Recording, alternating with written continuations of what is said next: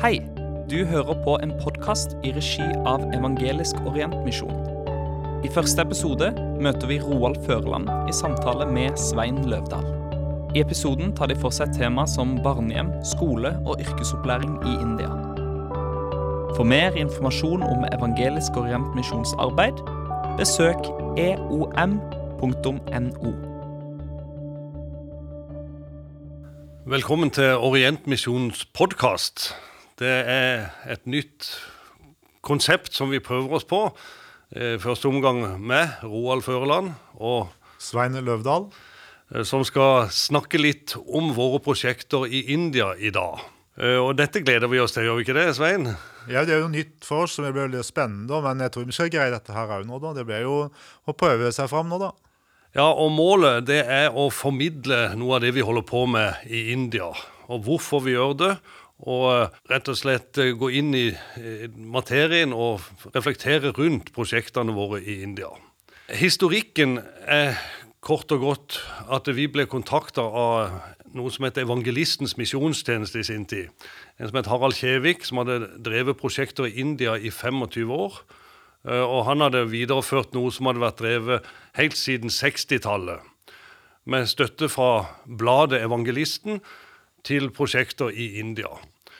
Og eh, De kontakta oss i Orientmisjonen og spurte om vi kunne tenke oss å overta det administrative ansvaret for disse prosjektene. Og Da begynte det med at jeg reiste til India en tur og fikk et veldig godt inntrykk av disse prosjektene. Veldig stor opplevelse i påska 2011. Det var 3000 mennesker samla til konferanse der, og jeg fikk besøkt barnehjem. og Veldig stor opplevelse. Så da tok vi en prosess på dette. Vi hadde såkalt pilotprosjekt i noen år, der vi utreda mulighetene så inkludere dette i vår prosjektportefølje. Og så ble det til at vi styret bestemte at vi skulle inkludere det. Så det, Sånn var det, og fra 2016 så var det under vår paraply. Og da ble du også engasjert, eh, Svein. Fortell litt om ditt første møte med India. Ja, Første gang jeg var i India, det var faktisk i januar 2018 jeg var der nede. Og det var en stor opplevelse å komme ned dit. Jeg har aldri vært i India før. Og det å treffe og se det store arbeidet som vi driver nede, det syns jeg var veldig inspirerende. Det er veldig bredt arbeid med masse forskjellige prosjekter vi har. Og det å treffe Hallon-familien, som er den familien vi jobber mot, det er veldig inspirerende. Det er veldig flotte mennesker.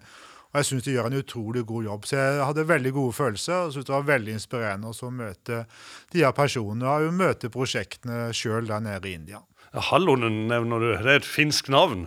Og Bakgrunnen for det eh, kan du kanskje jeg si litt om òg. For det, det er jo da en finsk misjonær som var i India på 50-60-tallet. Eh, og det var et barnløst ektepar, så de adopterte en gutt som var egentlig satt bort for å dø. Eh, Og de trodde han var besatt, eh, og han hadde ikke noe fremtid. Og så adopterte denne finske misjonærfamilien, eh, misjonærekteparet, denne lille gutten som heter Jere Vatnam. Og Han vokste opp i familien og ble en veldig ressursperson, egentlig. Han lærte seg engelsk, og han eh, var med foreldrene på møter rundt forbi. Og så eh, ble han voksen, og så fikk han sjøl fem sønner. Og det er de fire av de fem som driver arbeid da. Så det er litt av bakgrunnen for Hallonen-familien. Mange ganger tenker jeg det ut fra et sånn åndelig perspektiv at Gud gjør noe ut av ingenting. Tilsynelatende ingenting. Jeg syns det er veldig spennende å følge den historien til denne gategutten eh, og hans sitt eh, kall. Og til resultatet som der er nå, der er over 48 000 medlemmer i dette kirkesamfunnet, pluss alle de prosjektene vi nå etter hvert skal innom. Og det viser hva Gud kan bruke. Ja, Det er jo veldig inspirerende, akkurat det. da. Eh, Og så har vi fått lov til å være med og støtte dette de siste årene. Og Du kan si litt mer om hvilke prosjekter skal vi snakke om i dag? Det er to prosjekter som jeg syns er veldig spennende, som vi kanskje tar opp nå i det første programmet. og Det er barnehjemma og òg for symaskinkursene vi har. Så jeg tror vi kan begynne med barnehjemma, for eh, vi har et ganske stort arbeid innenfor barnehjem. Vi har jo nå tre barnehjem som vi driver nede i Sør-India. Og det er ett barnehjem med 70, og ett med 30 og ett til med 70. Så det er totalt tre barnehjem da, som vi får lov til å være med og drifte nå. Barnehjem er jo et godt sted å begynne her. For det, begynte jo med foreldreløst gutt, dette her. Og så har det utvikla seg til å bli det enormt store arbeidet da og 400 menigheter, 48 000 medlemmer, tre, tre barnehjem og over 1000 kvinner på symaskinkurs, for å nevne noe. Og Da skal vi begynne med dette med barnehjem. Og For min egen del så var det jo en av de største opplevelsene det å komme da, der de hadde lagd et sånn svært opptrinn når vi var der. Og det å komme Jeg hadde med meg elever fra Framnes videregående skole, og de hadde de var jo tenåringer sjøl, og der, der, kom vi da, og de hadde samla inn bamser fra fra skolen. Eh, de hadde med seg flere store søppelsekker med over 100 bamser som de delte ut av. Og disse barna i India de hadde jo ikke en bamse engang. Alt de eide, hadde en liten boks. Eh, og så fikk de da utdelt en bamse hver, og det høres kanskje litt sånn banalt ut for oss, altså, men det var virkelig en stor gave for dem. Og så hadde de lagd sånn, et stort uh, skuespill basert på en bibelhistorie.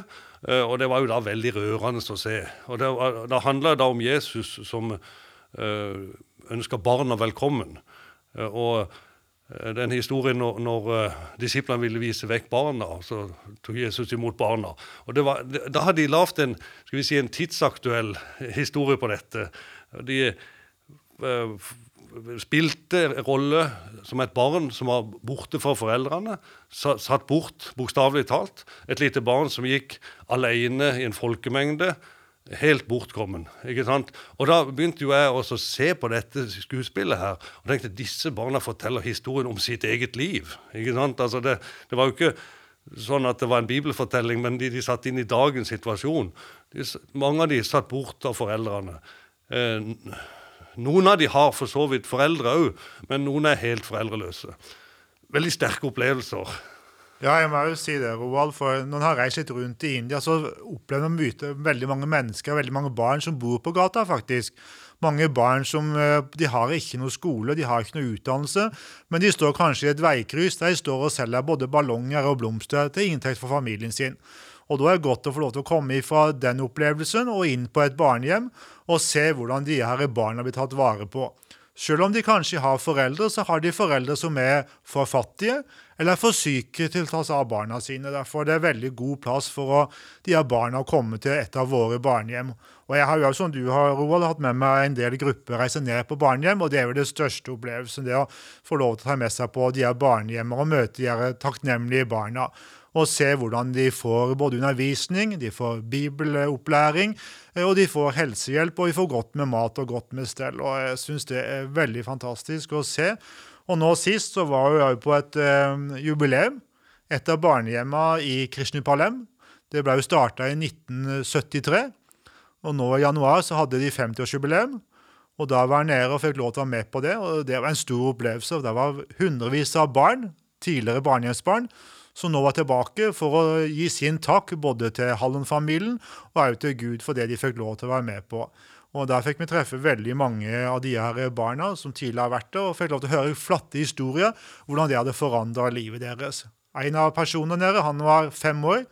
Første person som kom på barnehjem i 1973. Han var der i ti, fem, ti år. var Han der nede. Han fortalte nå at nå hadde han eh, familie, han var aktiv i menighet, og han var utdanna rørlegger. Og det ser vi hvordan dette har forandra menneskeliv. Så jeg syns det er en veldig god start på livet, det at de får det inn på et barnehjem. De har vokst opp, altså. Det, han du forteller om der, han, vært, han er over 50 år gammel nå og har velfungerende familie. og Det er jo på en måte en suksesshistorie, kan vi si. Alternativet hadde vært at uh, han kunne havna ut i barnearbeid uh, eller uh, vært et gatebarn som ikke har så veldig lang levetid i India. Og Du har vel også en sånn opplevelse av en gutt med en ballong der i en rundkjøring, har du ikke det? Ja, Det er vel kanskje det sterkeste bildet jeg har i forhold til dette med barn og, og på gata. Det var, et, det var faktisk oppe i New Delhi, der jeg tok bilde av en eh, liten gutt på fem-seks år som er helt beksvart av asfaltstøv og uh, møkk, og står der midt i gata og prøver å selge fem ballonger med masse farge på. Og det viser kontrasten, og det er veldig sterkt å se hvordan mange mennesker har det. Og vi kan jo tenke oss, Hadde det vært våre barn, våre barnebarn, som har vært en håpløs situasjon å se de slik.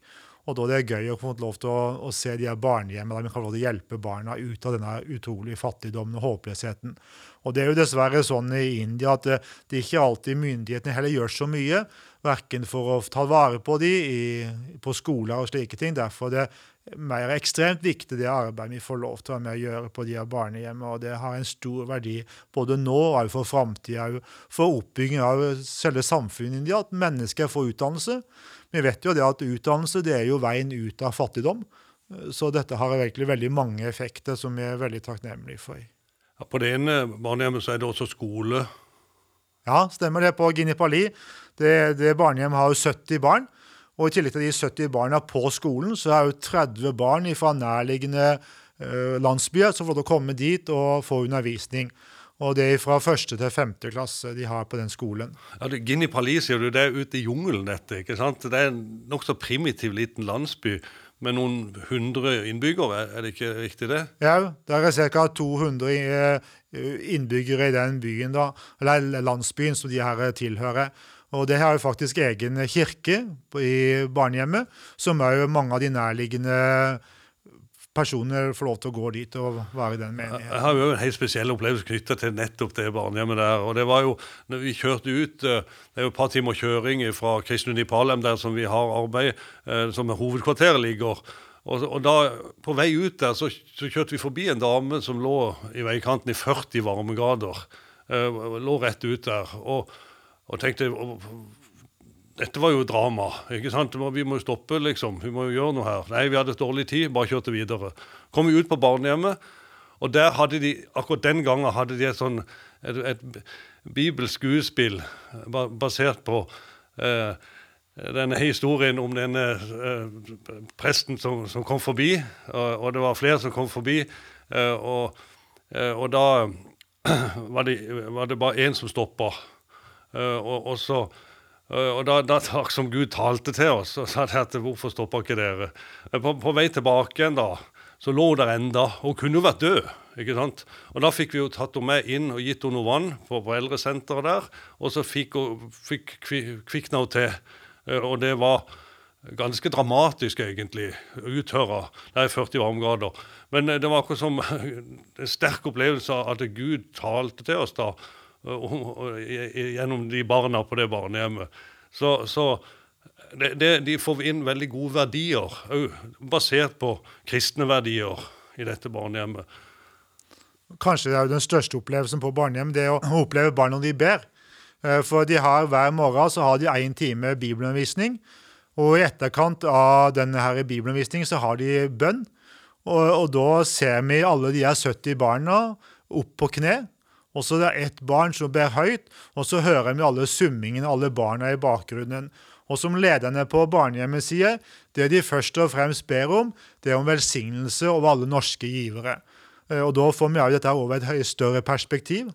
Hva dette har å si er jo for dere som givere her i Norge at det som dere gjør, det gir en respons tilbake med at det er barn i India, altså 170 barn til sammen nå, som ber òg for dere og velsignelse for dere. og Det synes jeg er en sterk ting å ta med oss i våre hverdager. Vi har noen som ligger fire og en halv time foran oss, og der var det 40 barn, nei, unnskyld, 170 barn som ber for oss her i Norge. Ja, Det er jo veldig spesielt, akkurat det der.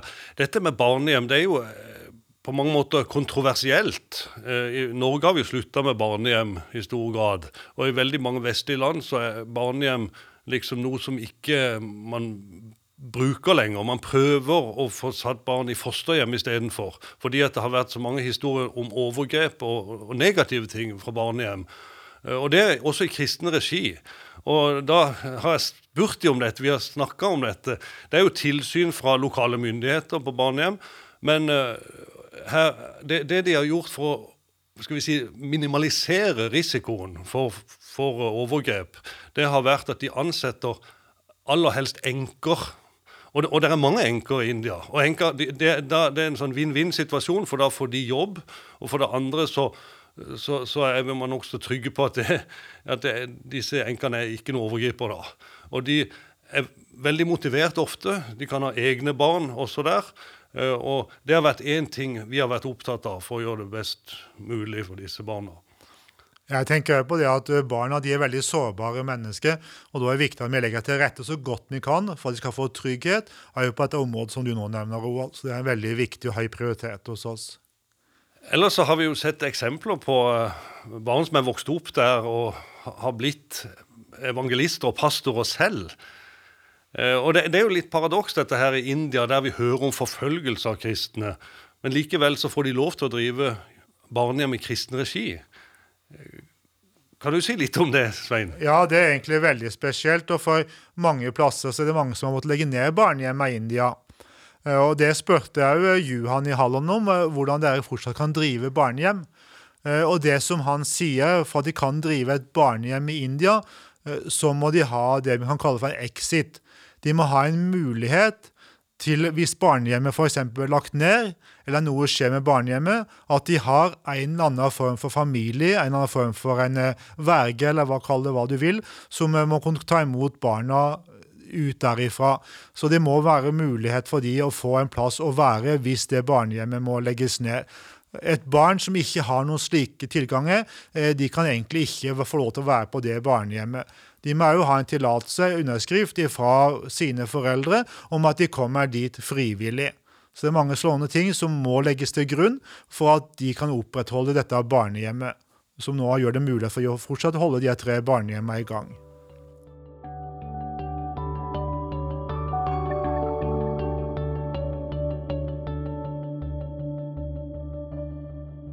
Barnehjemmet er et prosjekt som vi støtter. Jeg tenkte vi skulle snakke litt om et annet prosjekt òg. Og det går litt videre. Når, når Eh, når folk blir litt eldre, så trenger de òg utdanning på forskjellige nivåer. Og et prosjekt vi har hatt, det er å gi skal vi si, fattige kvinner en symaskin. Fortell litt om det, du. For å si det sånn, så er det jo slik i India dessverre at eh, damer de er fortsatt annenrangs borgere. Og i en fattig familie så er det mye gutten som får utdannelse eh, og får den beste maten og beste oppfølginga. For i India er det slik at det er ektemannen som bestemmer om kona skal jobbe eller ikke jobbe. Og mange plasser så ønsker ektemannen at kona skal være hjemme. Derfor ønsker kanskje ikke far til denne dattera å gi henne utdannelse for han vet ikke om den vil bli brukt i hele tatt. Derfor fokuserer de på, på guttene i familien. Og Derfor har vi veldig mange kvinner som er uten utdannelse. Og Mange av de her kvinnene de er kanskje gifta bort veldig tidlig. Vi har et eksempel jeg møtte på siste turen. Ei jente som er tvangsgifta da hun var 13 år gammel. og Det hørtes jo helt grusomt ut for oss at det skal skje. Og Nå hadde hun to barn, og nå blitt enke i tillegg. Og hadde ikke mulighet til å hjelpe seg og sine. Eh, og I den grunn har vi starta de syv kursene som vi har. Vi har vel seks måneder sykurs, som du vet om. vet du. Og etterkant av kurset så har vi en eksamen. Eh, og hvis du består eksamen, så får du en symaskin. Og For mange av de her damene så er det veien ut av fattigdommen. For da kan de starte et eget eh, systue hjemme i sin egen stue. Og mange de kan jo søke jobb på de større sentre der de har mer profesjonalitet på, på sying. De får et bevis av oss, og dette beviset kan de bruke som, et, eh, som en CV videre. Ja, Det konkrete eksempelet du nevner om hun der som ble tvangsgifta da hun var 13, det høres jo helt uh, horribelt ut, men det er ikke uvanlig i India. Men det, det, det er veldig sterkt å se når hun ble intervjua av, uh, av Oddmund Køhn, en som var med på turen. Og da Hun forteller med tårer i øynene at hun har fått en symaskin og fått et livsgrunnlag.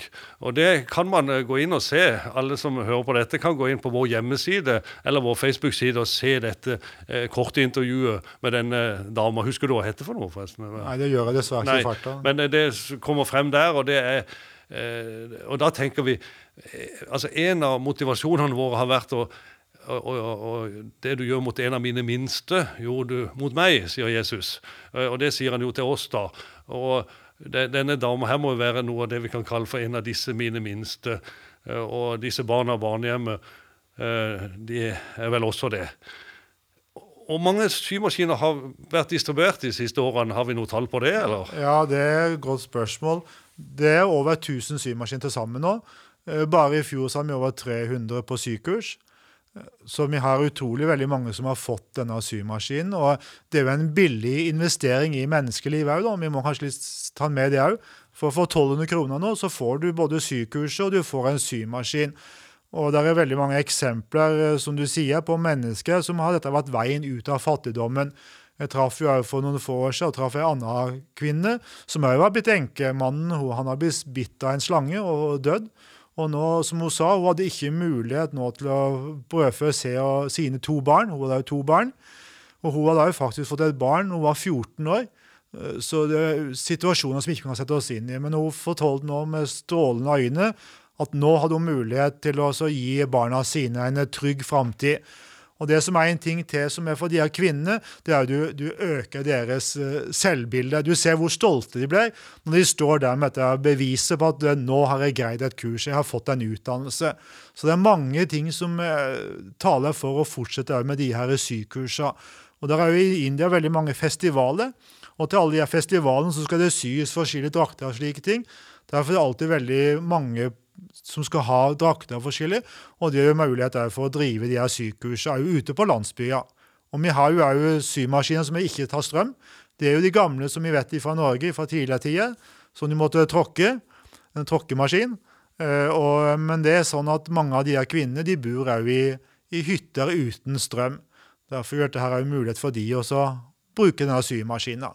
Jeg syns det er litt artig å tenke på disse giverne i, i Norge, da, som på forskjellige måter eh, samler inn penger til eh, dette symaskinkurset. Og Vi har ei dame i Oslo som heter Randi Nustad Danielsen. Hun syr dokketøy. Eh, og, for, og, så, og, så, selger hun det via internett og har solgt mange hundre sett med dokketøy. Eh, det, det, er jo liksom leker for barn, da. ikke sant? Og så 250 kroner for et sett med dokketøy. Eh, og så når hun har solgt fem av de, så blir det nok til en symaskin i India. Og på den måten har hun finansiert eh, ja, bortimot 100 symaskiner, tror jeg, i India for fattige kvinner. Det, det, er sydamer i Norge som eh, hjelper sydamer i India. Så på forskjellige eh, kreative måter så går det an å være med og støtte dette prosjektet, altså. Så 1200 kroner for et seks måneders kurs og en symaskin, det er jammen ikke mye. Nei, ikke noe å tenke på hva det koster i Norge å utdanne seg, så er jo det ingen verdens ting. Og, når jeg tenker på at det, og det som er så er jo flott, da, at da gir vi dem mulighet til å greie seg sjøl.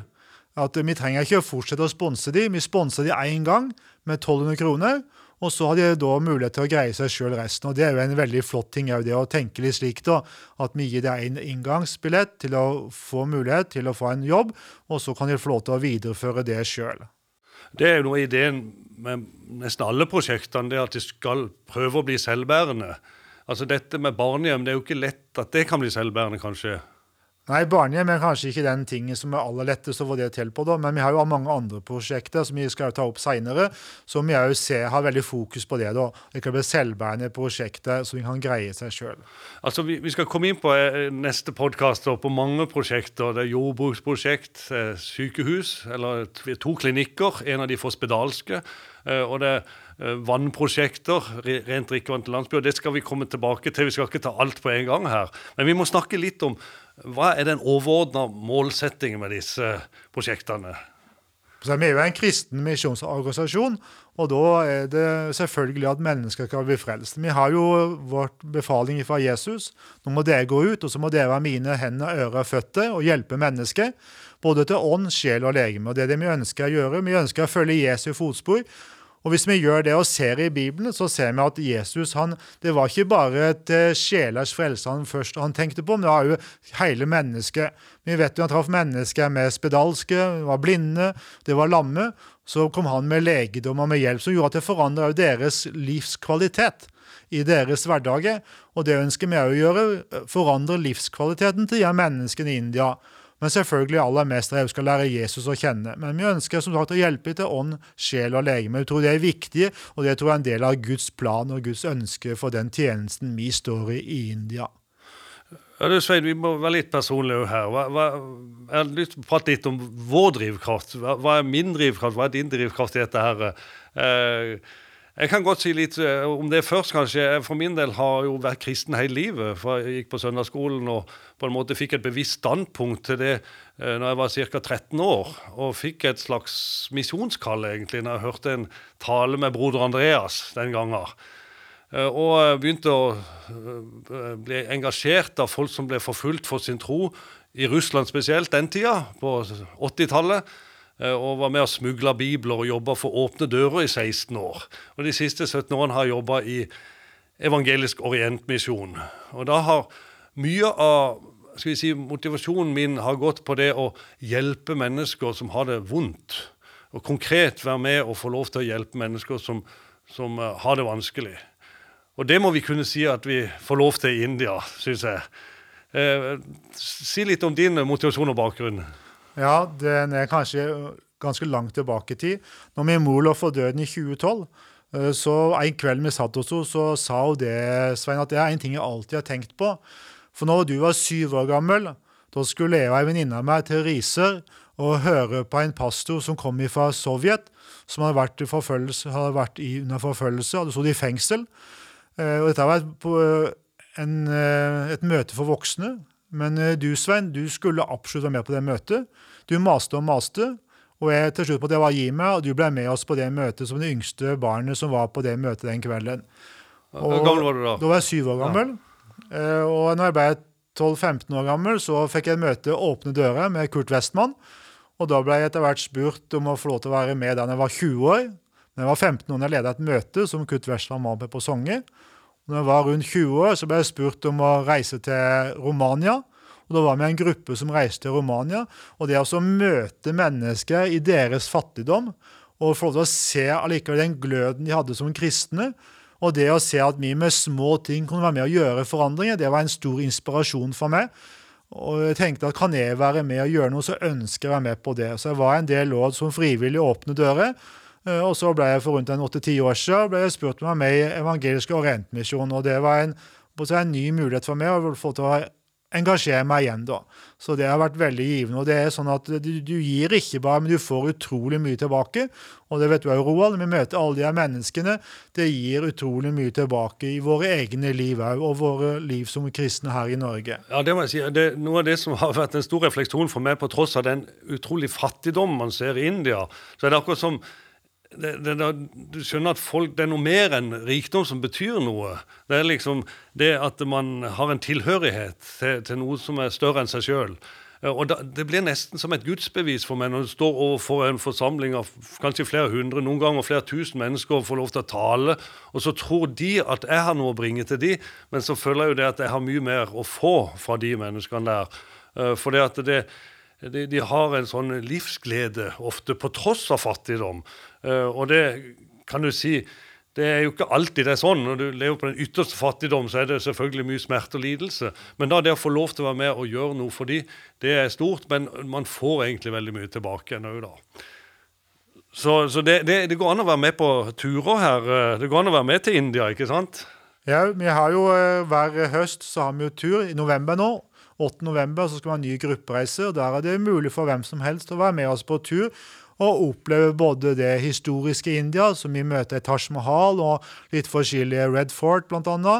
Og så ble vi med rundt på alle prosjektene våre. og alle som har vært på tur nå, så har vi blitt udelt eh, positive alle sammen. og Det har vært en kjempeopplevelse. Det har bundet oss sammen som gruppe. Vi har fått uh, veldig mange nye venner rundt i Norge.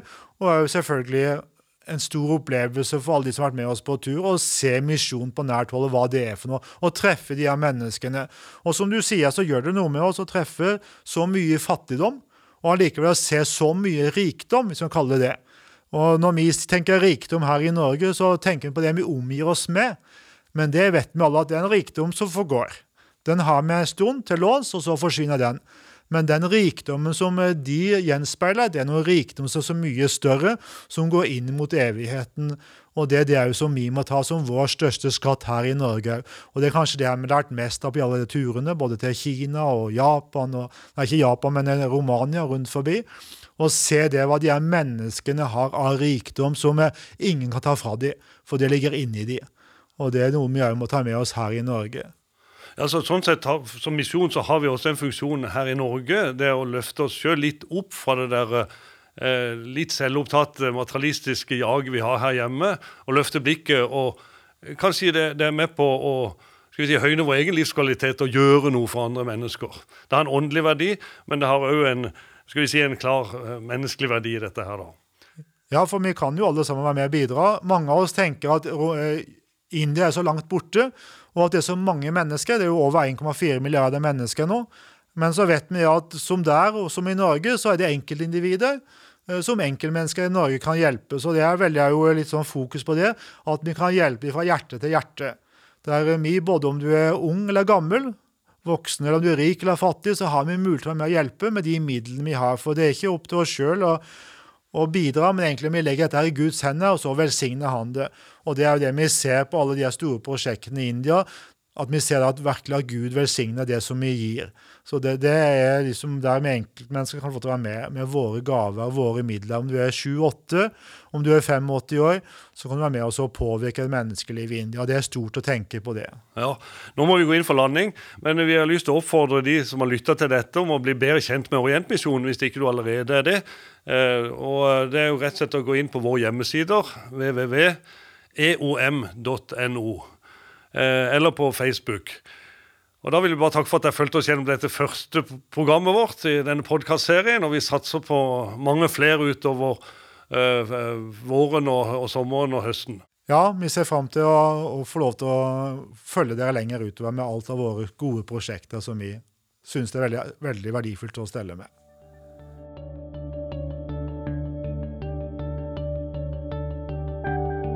Tusen takk for at du hørte på Orientmisjonens podkast. Denne episoden ble produsert i samarbeid med Karten Studio. For mer informasjon om Evangelisk Orientmisjonsarbeid, besøk eom.no.